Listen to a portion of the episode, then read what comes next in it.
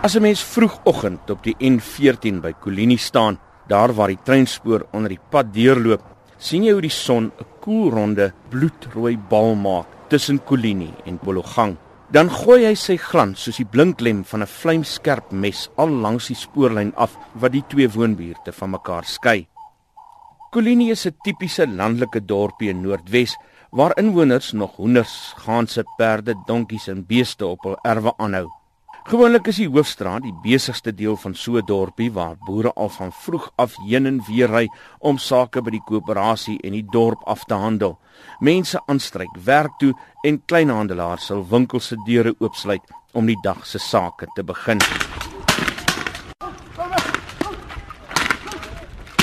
Maar verlede week is die landelike vrede wreed onderbreek toe die dorp deur gewelddadige betogings tot stilstand geruk is. Die inwoners het eers gedink dit is die naburige Lichtenburg se diensleweringsbetogings wat oorgespoel het. Maar dit was die dood van 'n 12-jarige kind wat die gemoedere laat opvlam het. Die sakeman Pieter Karsten wat familie van een van die aangeklaagdes is, vertel wat gebeur het. Is nou 'n ding wat 'n hele paar maande nou al lank op plaasvind. Vandat ons Groen Milie stadion is, het ons elke week moeilikheid. Ons manne toe die die jong seuns gekry wat hulle met sonneblom loop wat hulle gesteel het. Die een seun het weggehardloop en die ander seun het teruggekom en uit agter op die bakkie geklim.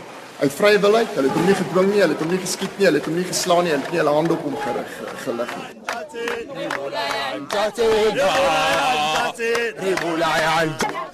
Talle winkels is tydens die opmars deur die dorp vernietig. Voorraad is gesteel en huise aan die brand gesteek. Vir Bets Visser wat 'n vrywilliger in die skoonmaakaksie op die dorp is, is dit iets wat sy nie verstaan nie. Ehm um, dis ons dorp is ons ge, is ons gemeenskap plek hier. Ons bly al 16 jaar hier in die dorp. Dis baie mense wat 36 jaar hier bly. Ons almal staan saam.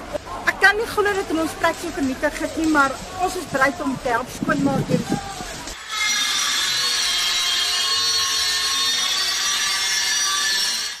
Die sakeman Kobus van Tonder het 3 vragmotors verloor en nog ander skade gelei. Ek weet ook nie hoekom nie, want ek het nog altyd net goed gedoen vir hierdie gemeenskap. Hoe lank is hoe lank bly jy al hier? Uh 17 jaar. Hoeveel mense het jy in jou diens? Dis so iets in die 40. Wat dink jy is die probleem hierso?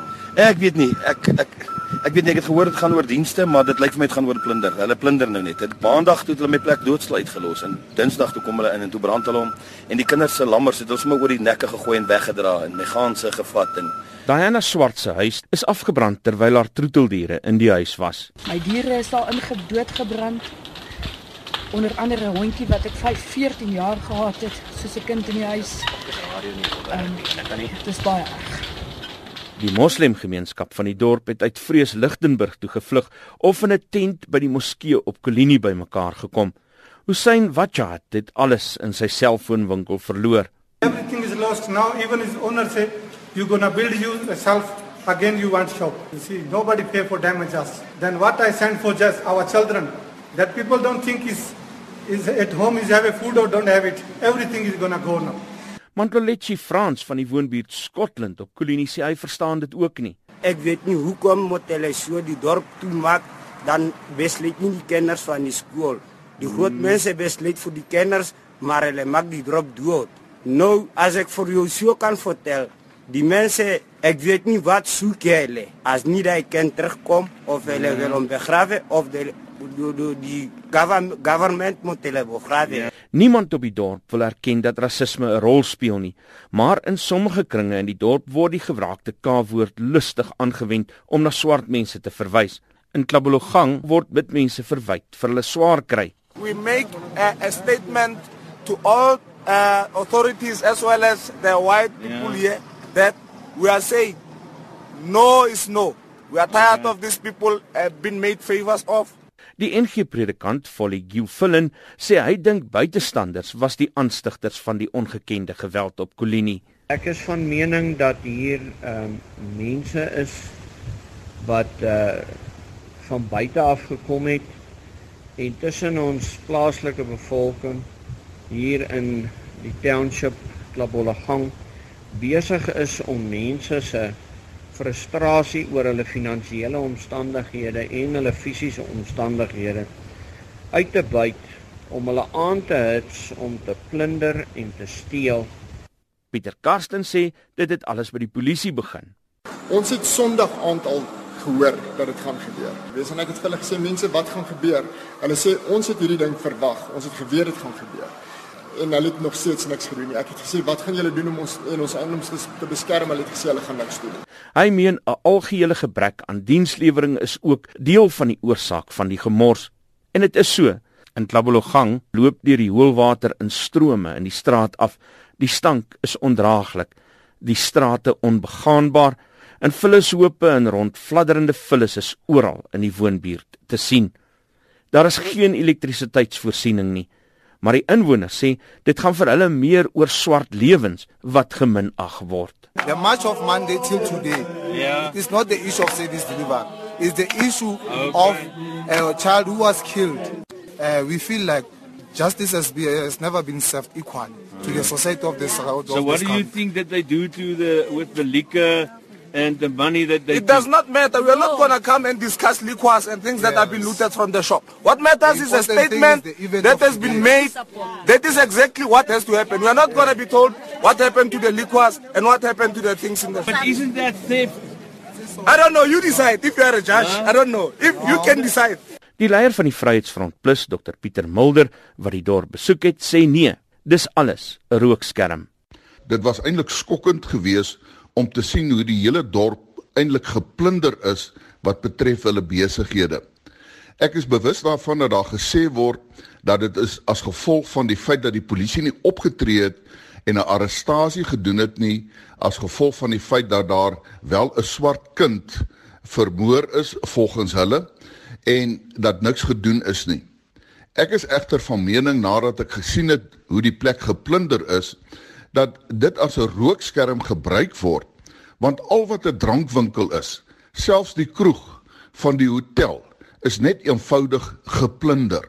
Maar daar is ander probleme ook. Die die Tsobotla munisipaliteit waarvan Lichtenburg en Kolini deel is is vroeër van dese maand uitgevang dat hulle hul werknemers se pensioenaftrekkings en werkloosheidversekering gebruik om die skuldgemors waarin die munisipaliteit is te betaal. Al hierdie probleme en onsekerhede het soos 'n donker wolk oor die gemeenskap saamkom hang toe die bebaarde Pieter Dorewart en Philip Skutte Vrydag geboeie met kappies oor hulle koppe getrek op aanklag van moord in die hof verskyn het. En net hoe diep die gemeenskap in die moeilikheid is, kan dalk gehoor word in die feit dat Landros ML van Logrenberg, wat al 21 jaar op Kolinie bly, besluit het om die veiligheid van die dorp en sy gesin in ag te neem en te onttrek van die borgtog aansoek. For justice to be seen to be done for no perceptions of bias to exist, the neutrality of the presiding officer is perhaps the wise uh, road to follow. Therefore, the matter must be postponed to some arranged date.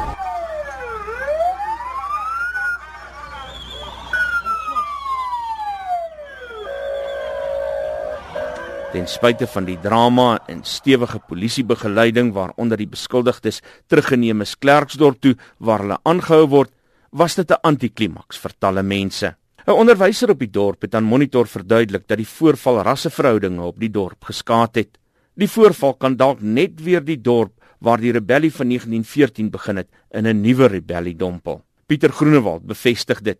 As dit die manier is waarop Suid-Afrika sy probleme en geskille gaan besleg, dan gaan die land in die brand gesteek word.